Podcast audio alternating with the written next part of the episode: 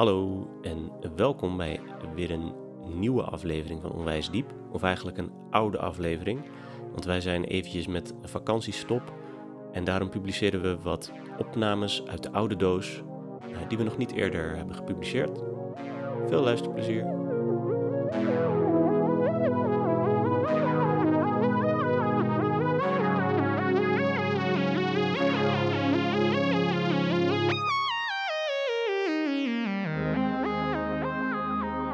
Welkom, lieve luisteraar, bij alweer een nieuwe aflevering van Onwijs Diep, waarin we elke week een filosofisch citaat onder de loep nemen met de vraag: hoe diep is dit eigenlijk?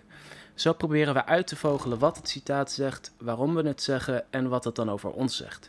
Mijn naam is Diederik en ik zit hier weer met Werner. Hey, goeiedag.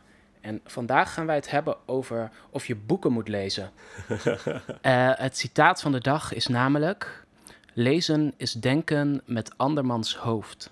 En eh, die formulering komt van eh, eh, Borges, waar we, ik geloof, drie weken geleden ook een, mooi citaat van hebben gedaan. en, en, dit noemt hij in een interview. Ehm, en daar verwijst hij naar Schopenhauer. Hij zegt: Zij Schopenhauer niet ergens dat lezen denken is met andermans brein of andermans hoofd? En we kondigden, kondigden, dit citaat ook al aan als een citaat van Schopenhauer. Maar het is dus eigenlijk een parafrase van iets wat Schopenhauer zegt. Uh, hoe dan ook goed om uh, een keer een citaat van Schopenhauer te doen. Want we waren verrast dat we dat nog nooit hadden. Uh, dat we nog nooit iets van hem hadden gedaan, toch? Ja, we hadden hem echt al zo vaak genoemd tussendoor. Oh ja, Schopenhauer, wat zou die ervan vinden? Ik weet nog dat we... Hier heeft Schopenhauer vast een mening over. Ja, ja precies. Ja. um... Goed om hem eindelijk eens in het zonnetje te zetten. Precies, ja. En, en uh, misschien komen er nog wel meer van hem. Want hij heeft echt een, een, een, een, hoop moois geschreven. En ook een hoop zuurs. Maar soms gaat dat ja. goed samen ook. Um, wat, wat Schopenhauer zegt is... Lezen is een surrogaat voor het eigen denken. Men laat zijn gedachten daarbij door een ander als aan een lijntje meevoeren. Dus uh, duidelijk een, uh, een, een, een, mening zit daarin verwerkt. Terwijl misschien het citaat lezen is denken met andermans hoofd is nog iets neutraler. Maar goed, daar gaan we het allemaal over hebben. Eerst iets over Schopenhauer. Uh, leefde vooral in de 19e eeuw. Hij is geboren in 1788 en gestorven in 1860. Hij is geboren in Danzig, dus dat is dus wat, wat op een gegeven moment Pruisen werd en, uh, en nu is het Polen. Zijn bekendste werk is De wereld als wil en voorstelling, uh, uit 1819. Ja, en dit citaat komt uit een, uh, een later werk. Dat is uit 1851, dus toen hij al wat ouder was. en dat werk heet Par Erga en Paralipomena. Dat is eigenlijk een verzameling bonusmateriaal voor wie zijn eerdere filosofie al, al helemaal kent. En hier geeft hij wat toevoegingen en aanvullingen daarbij dan. Uh, ja, dat is wat dat een luttele 2000 pagina's of zo. Uh. Precies, gewoon zoals dat bij een filosoof gaat. Oh ja, en ik, ik, dit had ik er nog uitgeknipt. Ja, en dat wil ja. ik toch nog even kwijt. De uh, director's cut van The Lord of the Rings met vier uur extra bonusmateriaal. Ja. Precies, de uitgever zei dat dat er niet meer in mocht. Dus dat heeft hij toen na, weet ik wel, 30 jaar, 20 jaar nog een keer uh, verzameld. En dat is dus een verzameling van een heleboel verschillende soorten inzichten en, uh, en citaten ook. En, uh, en kleine reflecties, filosofische reflecties. Um, dit staat in dus Par Erga en Paralipomena. Ik zal het in de beschrijving zetten. Deel 2, hoofdstuk 22. Zelfstdenken. Dus dat zegt al wel iets over dit uh, wat voor context dit citaat heeft. En dan is dat paragraaf 266. En hij zegt daar in die context iets als: Mensen zouden alleen moeten lezen als ze zelf even geen inspiratie hebben. En dat overkomt het beste. Maar uh, denk liever zoveel mogelijk zelf na. Uh, zelf nadenken moet de basis zijn. Hij is ook echt 19e eeuws, weet je wel. Je eigen genie moet de ruimte krijgen. En het is zonde, het is een zonde om je eigen gedachten te verjagen en in plaats daarvan uh, ja, er een boek bij te pakken. Dus uh, dat is meer een soort noodmiddel, uh, stelt hij daar. Dus, lezen is denken met andermans hoofd. Eerste indrukken. Werner. Ja, um, ik vond het heel jammer toen we erachter kwamen, denk ik, dat Schopenhauer het eigenlijk zo negatief bedoelde. Dat hij dus echt zegt van lezen is eigenlijk suboptimaal. Ja. bij mij roept die zin, lezen is denken met andermans hoofd, zoiets heel erg verwonderlijks op. Juist dat je denkt, ah, dan krijg je een soort inkijkje in, in, in, het, uh, in hoe een schrijver ergens naar kijkt en zo. En dat kan je dan heel veel leren, want het is eigenlijk een magische manier om tot elkaars hoofd toe te treden. Want lezen is zo'n intieme, persoonlijke bezigheid die je altijd alleen doet. Dus dan ben je alleen maar met je eigen gedachten, die ben je dan aan het opschrijven. En dat je dat dan toch publiceert en dat mensen daar dan in kunnen kijken, dat... Ah, dat is toch wel iets heel moois wat mensen samen doen, zeg maar. Zo'n, ja. zo'n was mijn eerste indruk uh, ervan. Uh, en, en misschien uh, nou, dus ik, ik weet niet of ik dan echt teleurgesteld ben in Schopenhauer, maar het was wel van, oh ja, had het kunnen weten. Natuurlijk maakt hij daar weer iets van dat het eigenlijk slecht is. Precies. En en een tweede associatie die ik erbij had, die is een beetje plat. Maar er was een tijd lang, toen ik nog vers was op het internet, dat er een soort tekstje rondging met een plaatje van Morgan Freeman ernaast.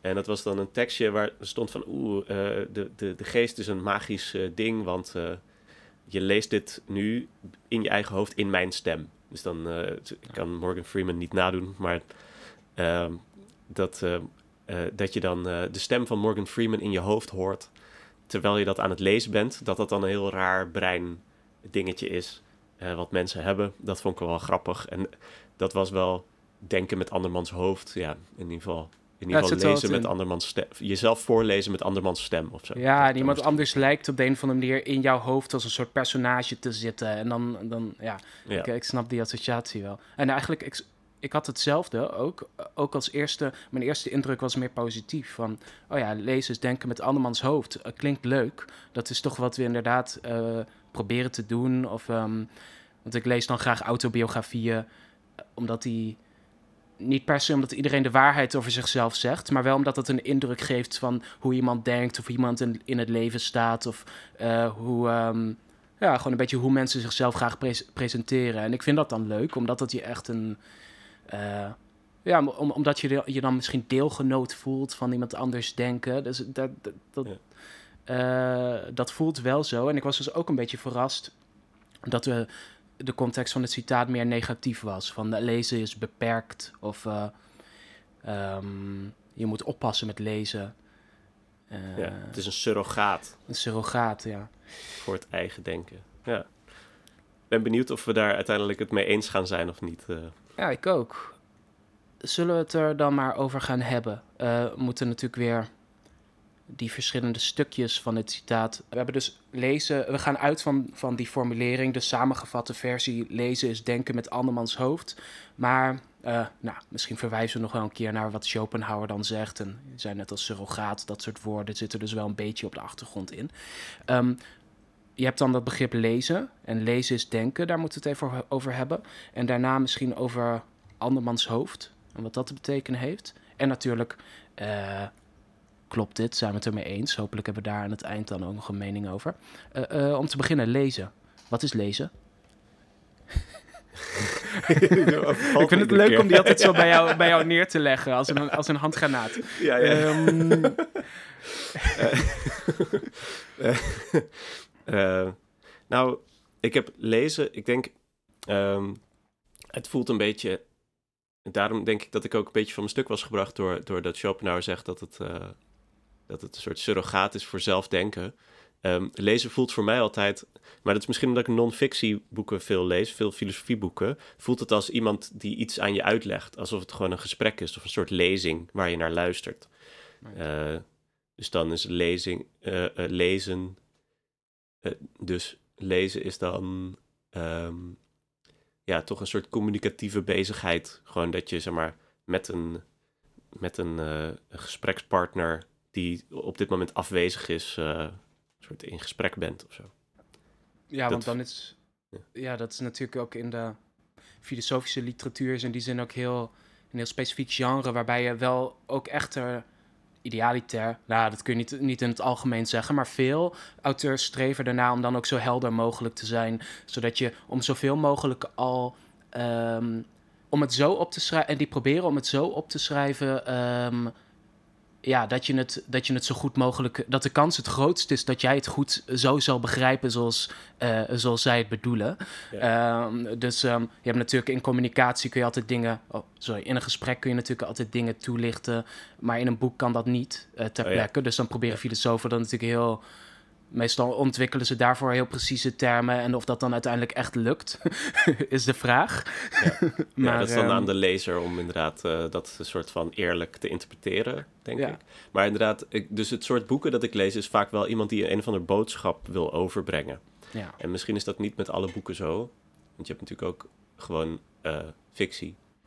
Uh, en dat is dat het doel daarvan is ook heel anders. En ik lees dat ook heel anders, heb ik het idee. Dat, ik, dat je dan gewoon, dat het dan bijna vanzelf gaat. Dat je gewoon met je ogen over de letters gaat. En dat er dan een soort verhaal in je hoofd ontstaat van hoe dat dan zou zijn geweest of zo. Dat de, hele, hele beelden van hoe Zwijnstein eruit zou zien en uh, dat soort dingen. Voordat ik de films had gezien natuurlijk. Ja dat, is wel, ja, dat is wel leuk. Want dan heb je eigenlijk in die eerste, als je het hebt over zo van non-fictie, dan kun je wel iets dan kun je wel denken, oh, lezen is hier een soort vorm van denken of samendenken. Maar als je fictie leest, um, of gewoon uh, lezen voor je vermaak of lezen voor je fantasie, dan is lezen niet, misschien niet zozeer geassocieerd met denken, maar meer met uh, je, nou om te beginnen natuurlijk met je, misschien je vermaken of uh, een beetje ontsnappen, maar ook, ja, wat je zei, een, een, een, een, een plaatje, een filmpje voor je zien, zo gezegd. Dus je verbeelding, meer een spel van fantasie dan van denken. Als je die twee strikt kunt onderscheiden, dat weet ik niet zeker, maar misschien wel. Ja, ja al, al moet je natuurlijk, ja, het is natuurlijk wel zo dat je dan op gedachten wordt gebracht of zo, terwijl je de interne monoloog van Harry Potter leest of zo. Dat je denkt, oh ja, die uh, denkt er zo en zo over. Oh ja, dat is inderdaad wel, goh, interessante gedachten of zo. Dat, uh, ik denk niet dat ik helemaal niet in mijn denken gestimuleerd word door fictie. Maar dat, ja, dat is niet dat is strikt genomen, eh, zijn dat dan hooguit soort levenswijsheden of zo die je er dan uithaalt? Of dat je denkt, oh ja, kan dat inderdaad ook wel eens gaan doen? Of kan ook wel zo naar dingen gaan kijken en dan is, vormt een hoofdpersoon in een boek wel een soort inspiratie. Of juist een, een, een goede reden om iets helemaal niet te doen, omdat je niet zo wil zijn. Maar... Het is een soort model van uh, om je waartoe je kan verhouden of waarmee je kan oriënteren of zo. Van dit is. Uh... Maar heb je dan ook het gevoel dat dat je voor je dagelijks leven of zo, uh, dat je dat doet om dan in, in, je dagelijks leven daar iets mee te gaan doen. Dat het je kan stimuleren tot ander gedrag of zo. Want kan natuurlijk ook, of eh, om, mm. om, meteen te zeggen wat, waar ik naartoe wil, um, met fictie. Maar je kan natuurlijk ook gewoon lezen puur om te ontsnappen aan, de werk, aan, aan, aan je alledaagse leven. Zeker met met fantasy en dat soort. Ehm, ja, dan, ja, dan is lezen echt een soort. Ehm, je, je terugtrekken in jezelf, uh, in je eigen verbeeldingswereld, zeg maar. Dat dan. Ja, maar je kan uh, ook wat je net zegt, je kan ook het juist wel een beetje gebruiken als een iets dat je misschien helpt in je, uh, in je dagelijks leven. Dat je iets ervan meeneemt. Dat het iets is wat je tussendoor doet om je, om je echte leven, zo gezegd, te verrijken. Ehm, dat je bijvoorbeeld uh, leest over, bijvoorbeeld als je denkt aan goede literatuur, of nou, goede literatuur, uh, literatuur die probeert om heel precies ehm, en mooi te schrijven over bijvoorbeeld relaties of over het bestaan. Dan kun je vervolgens in jouw relaties of bestaan misschien wel denken: oh ja, wacht, is dit niet een beetje is dit niet wat er gebeurt? Dan geeft het je hm. misschien wel een soort. Um, stimuleert het je om daar inzicht in te krijgen of zo. Meer dan dat het je informatie geeft die je kan toepassen. Uh, maar dat het je stimuleert in bepaalde manieren van kijken naar. Ja, klopt. Ja, ik ken wel filosofen die dat zeggen ook. Uh, Rorty die zegt bijvoorbeeld dat, uh, dat je een soort je empathie traint wanneer je Proust leest. Of aandacht voor het kleine. Zeg maar, de, als je Nabokov uh, leest. In ieder geval is dat, is dat iets wat ik als algemeen sentiment door filosofen ook wel vaker heb horen aanhalen. Dat je je, je empathie, je inlevingsvermogen traint wanneer je een, een verhaal leest. En in, ja, in die zin heb je ook nog wel een soort overeenkomst in, in wat filosofen vaak nastreven en wat, of een deel van wat filosofen nastreven en wat, uh, wat auteurs uh, nastreven is um, ook dat wat het alledaagse dat daardoor een beetje onzichtbaar wordt, omdat we het zo gewend zijn, om daar weer even de aandacht op te vestigen. Dus bijvoorbeeld je aannames of uh, waar, alles waarvan je denkt, oh ja, gewoon, oh ja, tuurlijk, oh ja, normaal. Um, uh, ja, uh, zeg maar een goed boek, dat kan filosofie zijn of literatuur, um, laat je weer even zien hoe absurd dat eigenlijk is of hoe ingewikkeld dat eigenlijk is en dat het helemaal niet van, vanzelf spreekt.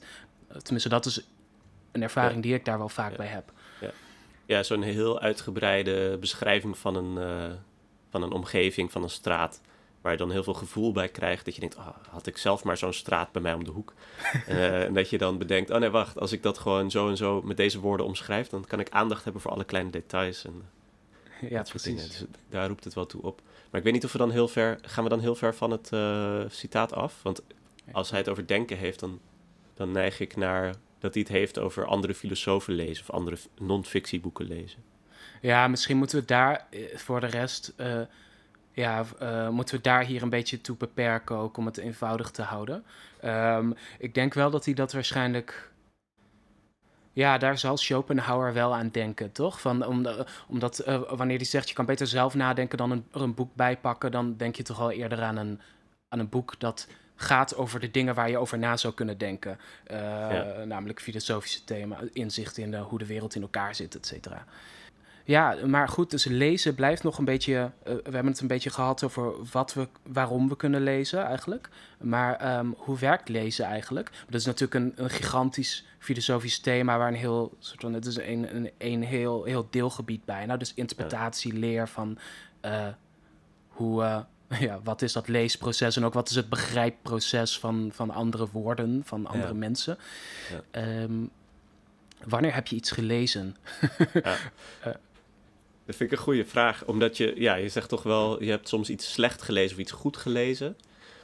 Uh, of je, ja, uh, je kan zeggen van iemand van, nou, je hebt het helemaal niet gelezen. Ook al heeft hij wel alle letters in het boek bekeken, zeg maar, maar dan, dan zeg je iets over hoe hij het niet heeft begrepen. Of, wat ook nog kan, dus je kan zeggen, ik heb het niet goed gelezen, want je weet niet goed wat de, wat de schrijver wilde zeggen. Dus de, de, het argument, de argumentatiestructuur, die kun je niet goed weergeven. Of je hebt het niet goed gelezen, want je hebt alles gewoon aangenomen wat er stond. Dus uh, je hebt wel de argumentatiestructuur die je kan weergeven, maar je ziet de gaten er niet in of zo. Je bent niet kritisch terwijl je het leest. Ja, mooi. Uh, inderdaad. Dus ik denk ja, dus dan heb je uh, lezen als, als begrijpen wat iemand anders wilde zeggen. Of lezen als uh, kritisch lezen. En dat is wel een belangrijk, zeker ook in onze samenleving, denk ik. Ook wel een belangrijke associatie met, weet je, hoe je eigenlijk hoort te lezen. Daar moet je een beetje kritisch bij zijn. Dat wordt ook ja. tot op het punt dat dat vanuit de overheid wordt gestimuleerd. Van ja, mensen moeten wel leren om kritisch te lezen. Iedereen is het over eens dat dat belangrijk is. Dat je. Um, Um, dat je niet zomaar informatie tot je neemt, uh, maar dat je uh, met denken daarbij dus blijkbaar uh, ja. inf informatie verwerkt. Ja. Um, en dat je, dat je steeds moet nagaan hoe je daartoe verhoudt en of het wel betrouwbaar is en of die informatie wel degelijk beargumenteerd is, misschien zelfs. Ja. ja, of die informatie wel degelijk is, dat is natuurlijk belangrijk. Maar, en, en ik heb het idee dat de overheid ook heel erg stimuleert op gewoon leesmeters maken. Dat je gewoon heel veel moet lezen, zodat je dat dan uiteindelijk. Of dat is dan de gedachte. Als je maar heel veel leest, dan zul je uiteindelijk ook uh, het kaf van het koren kunnen scheiden. Ja. Wat betreft uh, goede informatie. Ja, en dat is wel relevant voor dit citaat. Want ik heb het gevoel dat Schopenhauer daar een beetje ook wel een soort. Uh, daar heeft hij wel een mening over. Ook over onze leestraditie en leescultuur in het algemeen, die denk ik in die zin, in dat opzicht misschien niet zo veranderd is. Dat je nog steeds, uh, weet je wel, zijn, men is het er altijd over eens dat de jeugd steeds minder leest en dat het iets slechts is. Want lezen is iets wat je moet doen om, om je te ontwikkelen. Dat zijn een soort van standaard waarheden die iedereen wel, uh, waarvan iedereen weet dat het, dat het klopt. Om goed te kunnen denken, inderdaad. ja. ja. Uh, anders ben je geen kritisch burger. Daar, en dat, je wordt kritisch burger ook wel door gewoon veel verschillende boeken tot je te nemen of zo. Zo'n soort idee. Ja. ja, het is anders dan wanneer je luistert naar wat iemand je zegt. Hè? Hmm. Um, ik wil even kijken of ik dat kan verkennen. Ja. Uh, want als je een boek leest, dan lees je dat soort alleen. En dan zit degene er niet naast om naar je te kijken terwijl je het leest, of je het allemaal wel goed begrijpt. Maar op het moment dat, je, dat iemand je iets uitlegt, als een soort preek of zo, dan, dan uh, ze spelen er nog meer factoren van of jij wel of niet gaat geloven wat diegene zegt, dan alleen maar de informatie die wordt medegedeeld. Dus ook hm. een soort van, ik moet wel uh, beleefd zijn naar deze persoon. Deze persoon heeft hard zijn best gedaan. Of hij, hij maakt uh, een vriendelijke indruk of ik, ik relateer me wel aan aan hoe deze persoon is of zo. Dus het is een soort vriend, dus dan zal die het wel goed bedoelen voor mij ook. Dat, dat soort dingen komen allemaal mee wanneer je eh, direct van iemand een verhaaltje hoort, of van een YouTube-filmpje of zo. Ehm, terwijl met boeken, eh, dat vraagt toch om een soort isolatie. En dan is het toch jouw eigen. Ja, dan blijven al die, al die factoren wat verder op de achtergrond in ieder geval. Je kan natuurlijk een beeld hebben van wie de schrijver is en, en of dat je vriend is of niet. Maar, maar dat, die, die, dat, dat weegt minder zwaar op je interpretatie ervan. Ja. Uh, van wat er staat. Ehm, en dan is lezen dus wel goed, omdat het een, een solitaire bezigheid is waarin jij in je eentje moet proberen uh, te begrijpen wat er staat. En dan is dus een soort oefening in, in denken. Uh, ja, en dan zeg je eigenlijk ook uh, juist dat juist bij lezen is er relatief veel ruimte om zelf na te denken. In verhouding tot de directheid misschien van een verhaal ja. aanhoren, waarbij bijvoorbeeld hoe sympathiek iemand wel niet is, de rest van die ruimte opvult. En dat je denkt ja. Uh, ja dat je het veel meer misschien veel directer verwerkt van, oh ja, dit uh, zal wel waar zijn. En ik denk dat we ook allemaal die ervaring kennen van dat je meer achteraf na een gesprek ineens denkt van... hé, hey, wat een onzin was dat eigenlijk wat die persoon zei. Ja. Maar terwijl ik erbij stond, klonk het allemaal heel, heel, uh, heel logisch. Terwijl als je een boek leest, zie je vaak veel eerder van... Oh ja, nou, misschien als het heel vlot geschreven is, heeft het iets van die directheid.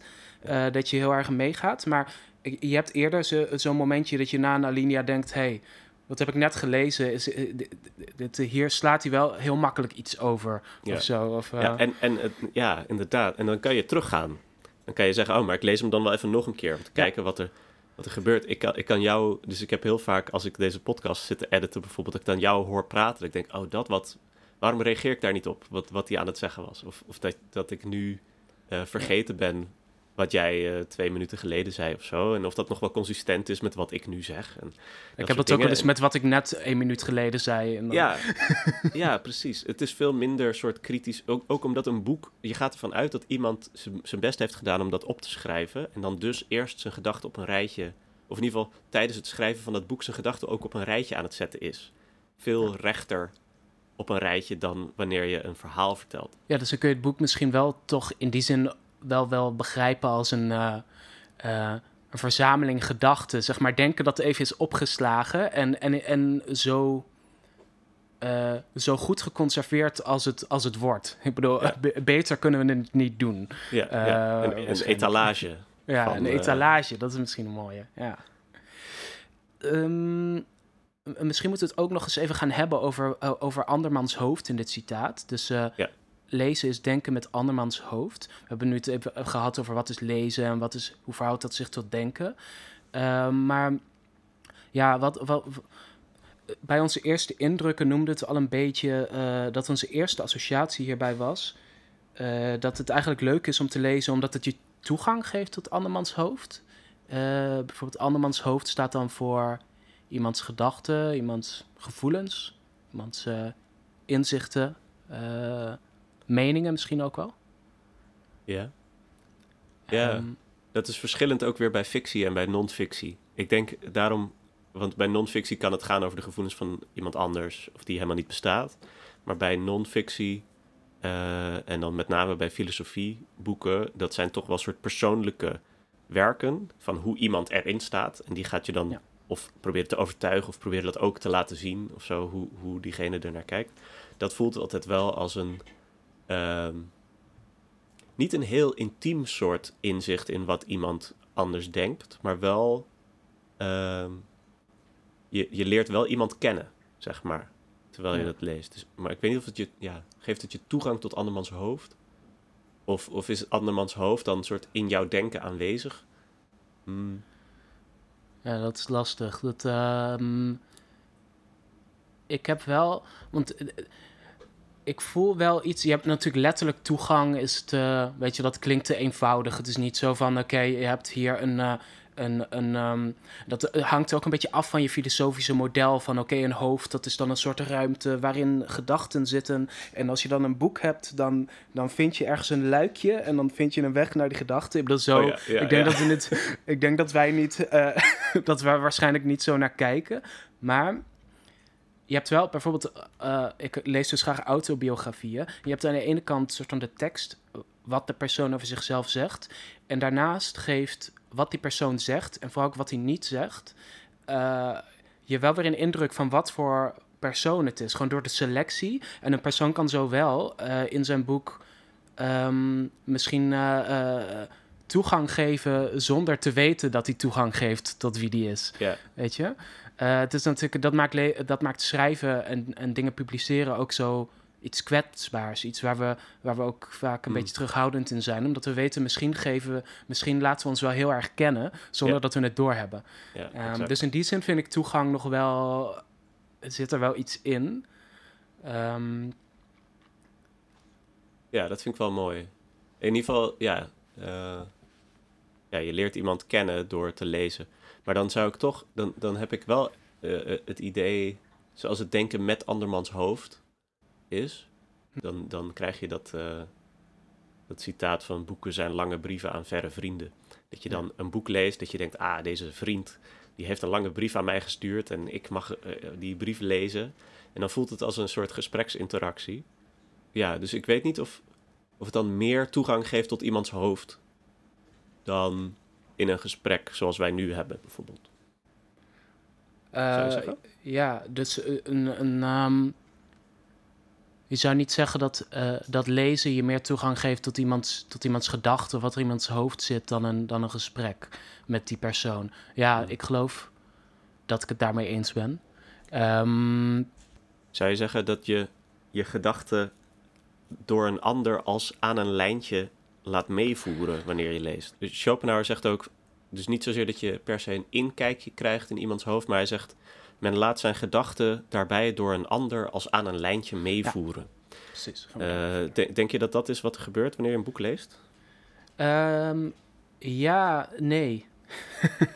um, nou, kijk, ik, dat vind ik eigenlijk wel, wel leuk, omdat hij... Ik ben het dus niet eens met de eerste helft daar, dat hij zegt... Um, het is een surrogaat uh, voor zelfdenken. Want ik geloof dat lezen uh, of je even laten meevoeren en zelfdenken best wel goed samengaat. Dus omdat je het soort van afwisselt, zeker bij een boek. We zeiden net al een beetje in een direct gesprek is dat soms iets moeilijker. Ook om zeg maar ruimte te hebben voor je eigen gedachten en die even en te bepalen wat je nou echt vindt en of iets echt zinnig is. Maar in een boek heb je meestal een redelijke, voelt dat iets gebalanceerder. Uh, maar dat beeld van dat je je laat meevoeren uh, als aan een lijntje vind ik wel leuk, omdat het een lijntje natuurlijk wel een soort je, uh, vrijheid geeft. Um, uh, dan kun je je bijvoorbeeld voorstellen dat je. Um, dat er lezers zijn die, die zich laten meeleiden als aan een lijntje, zeg maar als een hond worden uitgelaten door de auteur. Maar je kan je ook lezers voorstellen die juist de, hele, die juist de auteur meesleuren en, uh, en zeggen: ik, ik bepaal hier wat dit betekent. Weet je wel? Soort dan de, de heel agressieve um, uh, interpreterende lezers. Ja. En ik denk dat veel, veel uh, daarom vind ik het een mooi beeld. Ik denk dat veel lezen een beetje zo daar, zich daartussenin bevindt. Van oké, soms loop je even mee, soms trek je even terug. Uh, dan zeg je ho ho. Ja. ja. Ja. je kan dat boek gewoon wegleggen wanneer je wil. Ja, dat vind ik wel mooi dat je die interpretatieruimte natuurlijk hebt als je een boek leest, omdat alle woorden zoals wij ook demonstreren met deze podcast, zo van heel veel verschillende betekenissen kunnen hebben. Uh, en, en in welke mate ben je er dan aan gebonden? Ben je dan ook, want er zijn natuurlijk grenzen van interpretatie die soort binnen de redelijke uh, uh, common sense interpretatie van zo'n boek gelden. Mm -hmm. um, maar ben je dan ook, ben je dan wel echt aan een lijntje gebonden? Of zou je dan zeggen, je kan er alles van maken wat ik wil? En dan in dit in, bedoel je dat het lijntje dan symboliseert wat de auteur echt heeft bedoeld? Ja, ja, ja. Ehm, ja dus, want, want Schopenhauer lijkt te zeggen van die, die gedachten, of de, de woorden in het boek, die leiden jouw gedachten aan een lijntje mee. En ik kan me wel iets daarbij voorstellen dat wanneer je leest, dat je dan natuurlijk de stem van een ander in je hoofd uh, hoort op de een of andere manier. Dat je als het ware de, de gedachten die je op dat moment hebt, of het, wat er op dat moment in jouw voorstelling verschijnt, dat zijn de woorden van een ander. Maar dat wil niet zeggen dat je je daar meteen mee vereenzelvigt of zo. Nee. Um, nee, maar je hebt wel, ja, ik voelde er wel, er zit wel natuurlijk wat in, in dat je, je hebt natuurlijk wel de vrijheid om er zelf het jouwe van te vinden, maar je wordt natuurlijk wel door iemand anders redenering, en nu heb ik het echt over filosofische uh, uh, zeg maar, denk Kant of zo, of, of Schopenhauer. Uh, je wordt wel door iemand meegevoerd door zijn argument. En als jij denkt, hé, hey, maar ik vind eigenlijk dat je hier iets overslaat, of uh, ik vind eigenlijk uh, dit een, iets interessants om te verkennen, dan moet je toch mee met de auteur, weet je, als je wil blijven lezen. Ja. Dus in die zin ben je natuurlijk wel gebonden aan wat die persoon wil doen. maar ik zou niet zeggen dat je daarmee vereenzelvigt. Wat je net aan het eind zei, toch? Van het is niet zo dat je dan. Ja, misschien in het moment van het. Dat is, dat, dat is een heel, heel, heel grondige filosofische vraag. Dus op het moment dat je die, die, die, die, um, die woorden probeert te begrijpen, zeg maar één stap in het argument, vind jij dat dan even, zolang als dat duurt in dat moment? Uh, of heb je altijd wel toch die afstand en is het meer iets... Um, dus om het even bij het citaat te brengen... Wordt er dan even voor jou gedacht en is dat even dominant in, jou, in jouw hoofd? Of ben je eigenlijk toch altijd zelf aan het denken en is het juist onmogelijk om op die manier beheerst te worden door iemand anders? Uh, uh, iemand anders denk. Ja, ik heb het antwoord ook niet hoor, maar... Dat vind ik wel mooi. Nou, ik merk altijd als ik aan een nieuw filosofisch boek begin... dat, dat, dat hebben we ook in de leesclub uh, altijd... Dan, dan ben ik in het begin eigenlijk altijd aan het protesteren. Zo'n soort heel geïrriteerd over de aannames die allemaal worden gedaan... en uh, de, de redeneerstappen die verkeerd zijn volgens mij. Zo even heel ongeduldig. En de, en de kritiek die je daar dan op krijgt... van, nee, maar je probeert het ook niet te begrijpen. Je bent gewoon bezig met dit langs jouw eigen meetlat te leggen... en dan ga je nooit dat boek uh, uh, zien wat het waard is, zeg maar.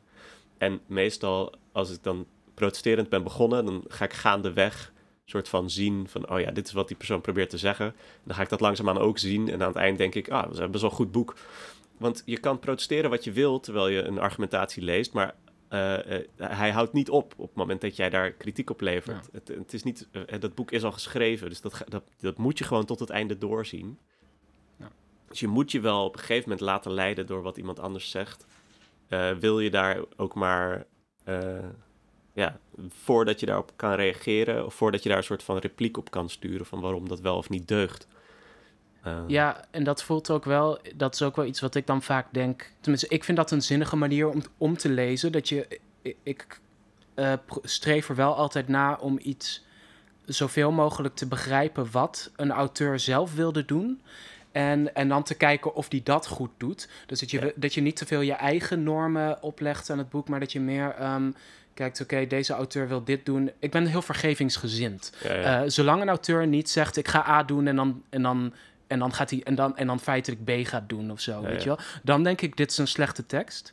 Maar als iemand zegt, oké, ik ga A doen, ik heb niet, geen andere pretenties dan A. En als hij voldoende A doet, dan denk ik, nou oké, okay, um, dan weet ik ook weer hoe het is om A te volgen of zo, weet je wel? Ja. en, en dan kijk ik verder wel wat ik daarmee kan. ja, wel een soort van de innerlijke logica van de tekst probeer ik wel te begrijpen. Van, uh, en, en van de auteur daarmee. En dan is een filosofische discussie of dat hetzelfde is, de logica van de tekst en de logica van de auteur. Maar laten we voor nu zeggen dat is hetzelfde. Um, grofweg. Ja. Ja. ja, dat is natuurlijk je hebt ook natuurlijk helemaal gelijk de, beste manier om een boek te lezen is om, om het te beoordelen op zijn eigen interne structuur. En dan zou het zomaar kunnen dat je ertoe verleid wordt om dat dan ook nog te gaan geloven, aangezien je er al zo lang mee bezig bent of zo. De argumentatiefouten of zo, die worden door de schrijver zelf niet opgemerkt. En dan ga je erin mee en dan uiteindelijk lees je dan die conclusie. En dan denk je toch, nou, hè, los van de kleine kritieken die ik had, ik snap wel dat dit een beroemd boek is geworden of zo. Of, of, uh, uh, en dan heb je toch, ik weet niet zo goed of ik me dan heb laten verleiden door de schrijver, zeg maar. Ja, nee, ben ik het ook wel mee eens. Want het gevaar van die benadering die ik net gaf, is natuurlijk wel dat je inderdaad dat je te vergevingsgezind wordt en dat je denkt, oh ja, nou ja, um, dit slaat nergens op, maar dat is ook niet zijn hoofd bedoeling. Dus eigenlijk, uh, zeg maar, dan, dan, dan geef je natuurlijk een, een auteur ook heel veel ruimte om, uh, om allerlei onzin tussendoor uit te kramen en te zeggen, nou ja, weet je, het is niet essentieel, maakt het, of um, dit schaadt niet het geheel of zo. En dan, als je dan het hele boek uiteindelijk door bent, kun je wel zeggen dat je misschien niet genoeg kritisch erbij hebt nagedacht. Je kan ook juist zeggen, oké, dan weet je hoe iemand anders denkt, maar wat biedt dat jou? Ja. Ik heb wel eens die ervaring wanneer ik lees... Uh, dat ik dat er echt verdieping plaatsvindt. Juist wanneer ik even een kritische vraag stel en daardoor ineens zie, juist heel scherp zie wat een auteur wel doet en wat hij allemaal niet doet of wat hij allemaal negeert. Het gevaar is wel dat je niet kritisch leest of dat je geen ruimte laat voor je eigen denken tussendoor. Dat je alleen maar de hele tijd plaats maakt voor wat jij denkt dat de auteur wil doen en om op grond daarvan alles vergeeft en zegt: Oh ja, bijvoorbeeld, ik snap dit niet of dit is vaag, maar hij zal het later vast wel goed uitleggen of het zal wel niet zo belangrijk zijn voor zijn hoofdpunt. Ja. En in die zin mm, kun je natuurlijk wel met Schopenhauer zeggen, hey, uh, um, laat je niet te makkelijk meevoeren. Of, want juist zelf nadenken bewapent je daar wel tegen. Als je zelf wel heel goed over een onderwerp hebt nagedacht, zie je veel beter wat iemand allemaal overslaat. En laat je niet zo makkelijk meevoeren door iets verleidelijks. Ja, uh, ja misschien um, moeten we eens gaan bepalen wat we, wat we daarvan vinden. Uh, is lezen denken met andermans hoofd op basis van alles wat we hebben gezegd? Vinden we dit? um, en onder welke voor, voorwaarden? Ja, ja uh, wat, wat we als laatste zeiden van of, de, of je wel of niet kritisch interpreteert wat iemand zegt, of je daar zeg maar je eigen stem nog naast hoort terwijl je aan het lezen bent en die stem van de auteur uh, integreert, soort van.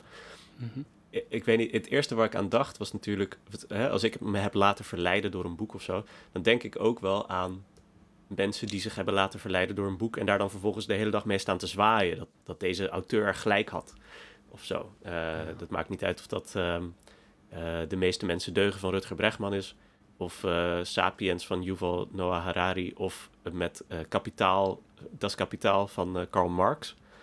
Um, maar dan als het iemand, als het een schrijver gelukt is je te overtuigen, dan voelt het wel alsof diegene met jouw hoofd. Dus eigenlijk is het dan andersom. Uh, dus niet dat, dat ik door te lezen denk met andermans hoofd, maar dat die andermans hoofd doordat ik lees, met mijn hoofd begint te denken, zeg maar. Met mijn lichaam begint te dat denken. Je, ja, maar misschien toch wel een beetje met dat beeld van Schopenhauer. Dan is de auteur iemand met een lasso. En die legt dat om jouw hoofd en die lijnt jou aan... en die sleept jou vervolgens mee. Ja, dan ga ik ineens een communistische revolutie doen. Uh, ja, precies. Ja, dat kan zomaar gebeuren. Uh, nee, ja, klopt. En ik ken op zich ook wel voorbeelden uit mijn omgeving... Van mensen die heel veel lezen... Uh, maar die dan ook altijd, als ze iets gelezen hebben, dat presenteren als de waarheid. Dan zeggen, ja, ik heb daar een heel interessant boek over gelezen. En, um, en dan denk ik, nou ja, één boek over iets lezen. Waarschijnlijk staan daar een paar andere boeken tegenover die iets heel anders zeggen. Um, uh, of die het tegenovergestelde punt maken. Dus waarom zou je dat ene boek dan volgen als ja. weet je, het, het, het, definitieve woord over dit onderwerp? Ja. Um, dus dat is wel, daarin kun je, moet je natuurlijk wel... Uh, zit, ja, in zoverre zit daar wel wat in. Um, en is dat dan denken met, of is dat dan denken met andermans hoofd? Ja. Ja, het voelt als, als uh, zelf nadenken op autoriteit van andermans hoofd. Ja, het soort dan wordt jouw denken gekoloniseerd door, die, door, die, uh, door dat andere hoofd of zo. Nou ja, en, ja, en uh, dat je dus op autoriteit van iemand anders hoofd, uh, dat je zegt van ja, ik heb zelf wel gedachten, maar die, die staan niet in een boek. En, en de, hier staat het wel in een boek. En een boek, nou, dat is echt een artefact van kennis. Dat, daar valt eigenlijk niet aan te twijfelen. Kijk, het staat allemaal op papier gedrukt. In ieder geval zit er zo'n gevoel altijd achter. Als iemand een boek heeft gepubliceerd, dat daar dan wel heel veel zorg in zal staan. Dat daar dus waarschijnlijk niet zoveel fouts in zal staan. Um, ja, inderdaad. Dat, is een, ja, eh, dat heeft dan een soort van symbolische waarde, waardoor je ook je eigen gedachten een beetje aan de kant zet. Toch? Ja, klopt. Nee, ja, mee eens. Want dat, dat is dan het gevaar van boekcultuur. Trouwens, ook als de luisteraar het zich nog herinnert, uh, dat is hoe Borges hier in zijn interview op komt. Want zijn, zijn, uh, zijn uh, gesprekspartner zegt, heeft het, ze hebben het dan over de secte van het boek. En um, ah. waarin het boek dus een speciale, uh, een speciale plek heeft. En onze cultuur is natuurlijk best wel boekgericht. Uh, en, en, dat geeft natuurlijk ook een soort autoriteit aan een boek. Als iets in een boek staat, dan is het, dan is het meer waard dan een vluchtige gedachte die je even uitspreekt. Want er is heel veel moeite in gestoken en hij is vast ook door heel veel mensen bekritiseerd. Neemt men dan stilletjes aan. Uh, het staat zwart op wit. Dan is ja, het echt. Ja, ja, ja, precies. ja, mooi. Mooie uitdrukking. En hebben we daar dan zelf ook uh, last van? Want ik heb net bijvoorbeeld gezegd dat ik me wel eens laat verleiden door uh, een auteur waar ik het in het begin helemaal niet, uh, niet zoveel voor voel. Uh, maar ik, ik, ik, heb vaak genoeg dat ik toch een soort autoriteitsdrogreden gebruik als, als iemand zegt dat dit of dat zus en zo zit. Dat ik dan zeg, ja, maar ik heb die en die gelezen. En die zegt iets heel anders. Ja. dat in ieder geval, ik, ik zou niet over mezelf durven zeggen dat ik dat nooit doe. Ja, maar laat jij je dan. Ehm, maar dat is juist wel een leuke, leuke situatie om je voor te stellen. Want laat jij je dan die auteur waarnaar jij verwijst voor jouw denken, onder, onderwerp jij je dan aan de autoriteit van die auteur? Of bestrijd jij de autoriteit van de persoon tegen wie jij praat eh, door te zeggen: hé, hey, maar hier is ook een andere. Iemand anders zegt ook dat hij koning is op dit gebied. Uh, dus misschien zijn jullie allebei wel geen, uh, geen autoriteit. Oh, en, um, maar dat is wel leuk, want dat is. Ik denk dat Schopenhauer zou zeggen: ja, ja, ja, klopt. Um, want hij, hij noemt ook. Uh, het uh, lezen zorgt er meestal voor dat je erachter komt op hoeveel manieren je kunt dwalen. Oh, en hoeveel onzinmeningen er zijn. Dat zegt hij in de context van dit citaat. Um, en daarom moet je dus zelf nadenken. En niet eerst gaan lezen, maar eerst zelf nadenken. En vervolgens kun je misschien, is het ook makkelijker om dan die boeken allemaal iets meer in perspectief te zien. En niet ja, maar dat zegt hij dan niet per se. Hij zegt wel, uh, hij suggereert wel dat het boek altijd gevaarlijk blijft. Dat vind ik dan weer een beetje gek. Terwijl ik zou zeggen, als je zelf hebt nagedacht, dan worden die boeken minder, uh, weet je, dan worden hun lijntjes minder sterk en minder, ja. uh, zijn ze minder manipulatief, minder autoritair. Ja, ja. ja. dan zeg je eigenlijk, want inderdaad, dan wordt het, want wij lezen die boeken bij wijze van gelijk, gelijkwaardigheid met de schrijver of zo. Of in ieder geval, dat doe ik natuurlijk niet, want die schrijvers zijn allemaal heel erg uh, imposant en zo. En heus speelt dat altijd een rol. Maar de insteek is, van in ieder geval ook van het kritisch lezen, is dat je uh, niet per se een vriend hebt, maar wel een gelijke die jou iets probeert te vertellen. Uh, en die daar zijn best voor heeft gedaan om dat op een goede manier te doen. Waar jij dan tot in zoverre respect voor moet hebben, maar waar jij niet um, je aan hoeft te onderwerpen. Terwijl wanneer je een volgeling bent van een boek als, als Das Kapitaal of uh, nou, uh, eh, 12 Rules for Life of zo, dan onderwerp je je als het ware aan die schrijver. En dat is eigenlijk een probleem. En dat ontstaat misschien, als, als ik Schopenhauer even vrij mag interpreteren, dat ontstaat pas op het moment dat jij zelf niet hebt nagedacht wie je bent voordat jij het boek oppakte. Nou. Zou je het zo kunnen zeggen? Ja, ja ik, geloof, uh, ik geloof het wel. Ja, want dat, ja, dat is mooi, omdat we inderdaad kritisch lezen, kritisch denken, kritisch lezen wordt wel. Uh, zelfs als wij Kant er, erbij pakken, uh, los van zijn status in de filosofie, gaan we natuurlijk wel. We, worden in ieder geval theoretisch er wel, op, op, wel toe gestimuleerd om, om gewoon zijn argumenten op zich te nemen en, en, en te kijken, zit hier wat in of vind ik dat hier wat in zit. In principe, er zit wel zo'n idee in van een gedeelde menselijkheid. Ik ben een mens, ik lees een boek van een mens en uiteindelijk weten we allebei niet hoe de wereld, weet je wel, uh, wat dit allemaal is. uh, dus we hebben hetzelfde uitgangspunt. ja. uh, en misschien kan iemand anders wel veel slimmer zijn dan jij. Daarom pak je ook soms boeken van andere mensen erbij, maar ja, je, inderdaad, je onderwerpt je daar niet meteen aan. Dat is niet, dat is niet het, de... Het uitgangspunt. Ja. Um, we hebben dan nog een soort laatste vraag, denk ik, van een soort kip of het ei uh, uh, probleem. Namelijk, kan je zelfstandig denken voordat je hebt gelezen?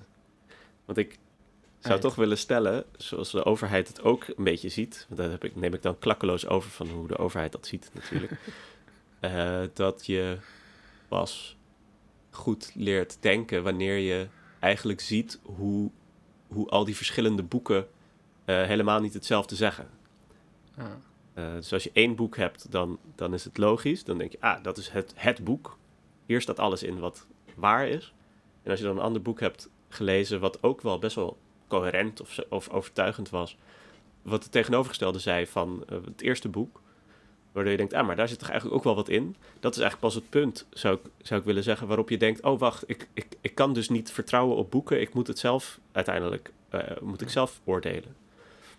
Ja, uh, het zit een beetje in de buurt ook gewoon van die paradox ook van, uh, van lesgeven en leren mensen kritisch te denken. Want dat is, zeg maar, als je het hebt over boeken, zijn een soort van het overdragen van van ideeën of van, uh, van uh, gedachten. En dat probeert een docent natuurlijk ook te doen.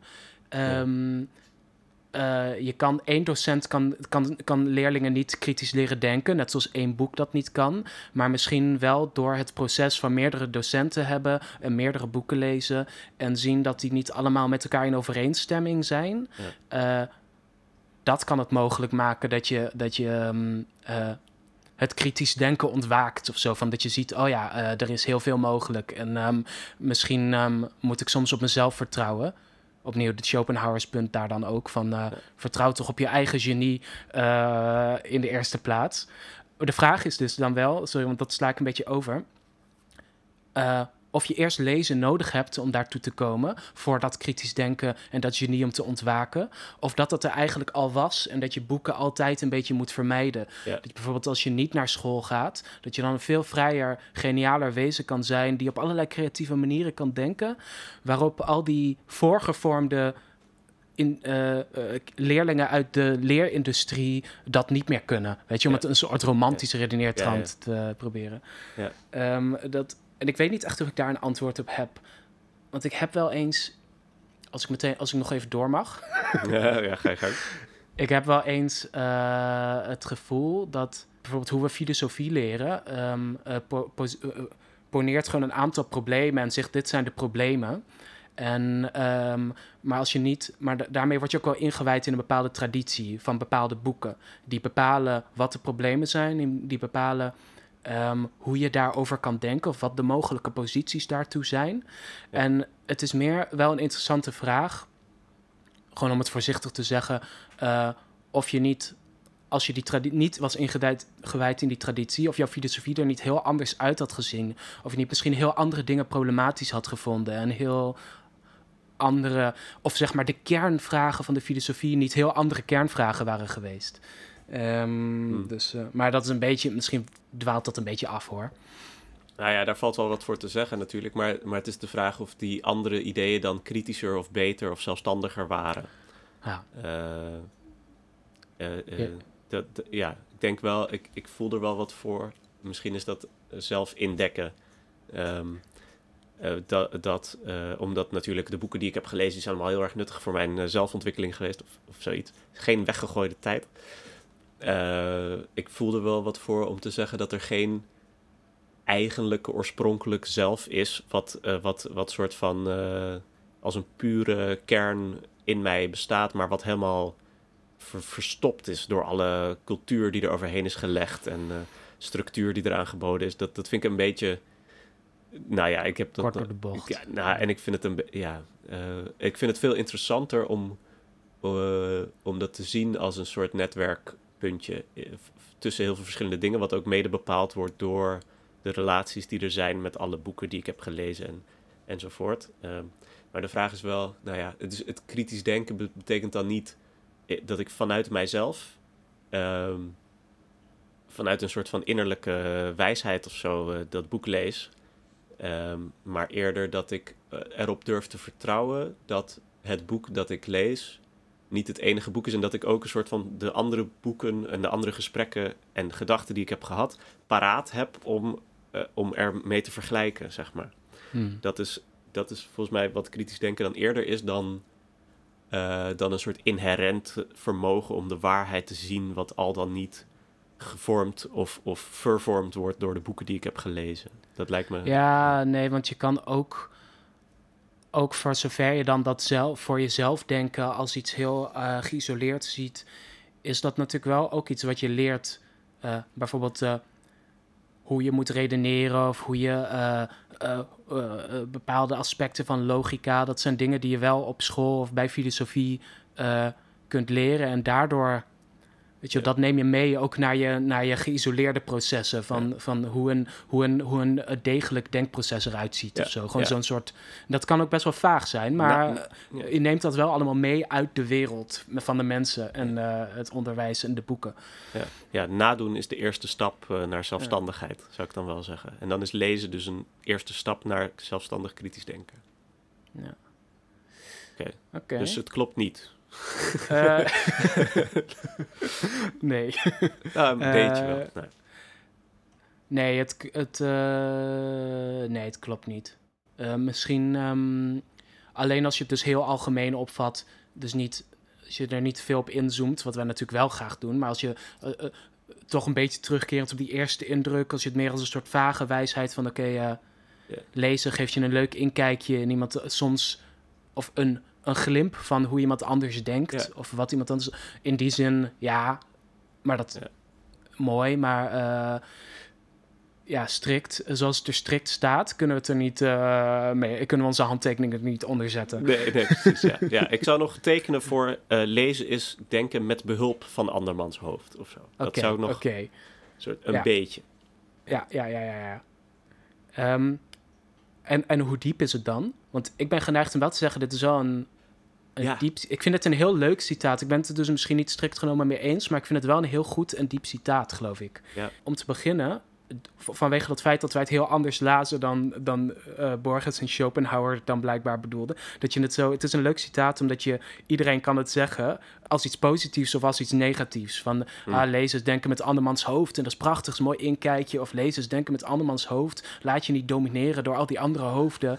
en, en, dat vind ik gewoon een goed citaat. Iets dat je altijd kunt inzetten. ja. ja, het roept zeker wel wat op, hè? Aan, aan, aan associaties en, en beelden en en uh, inderdaad, het was leuk om vandaag eventjes met Schopenhauers hoofd mee te denken. Ja. Zeg maar, dat vond ik echt wel, en, en daar, daar konden we ook echt wel wat mee. En het zegt je ook echt wel iets over wat je eigenlijk doet wanneer je leest en zo. Uh, ja, ik vind hem ook best wel diep. Ja. Uh, extreem diep, weet ik niet, maar ik durf er wel een 8 op te plakken. Ja, ik ook, een 8. Ja. Mooi. Alright. Um, mooi. Uh, dan dank ik de luisteraar voor het luisteren. En um, tot volgende week. Tot volgende keer.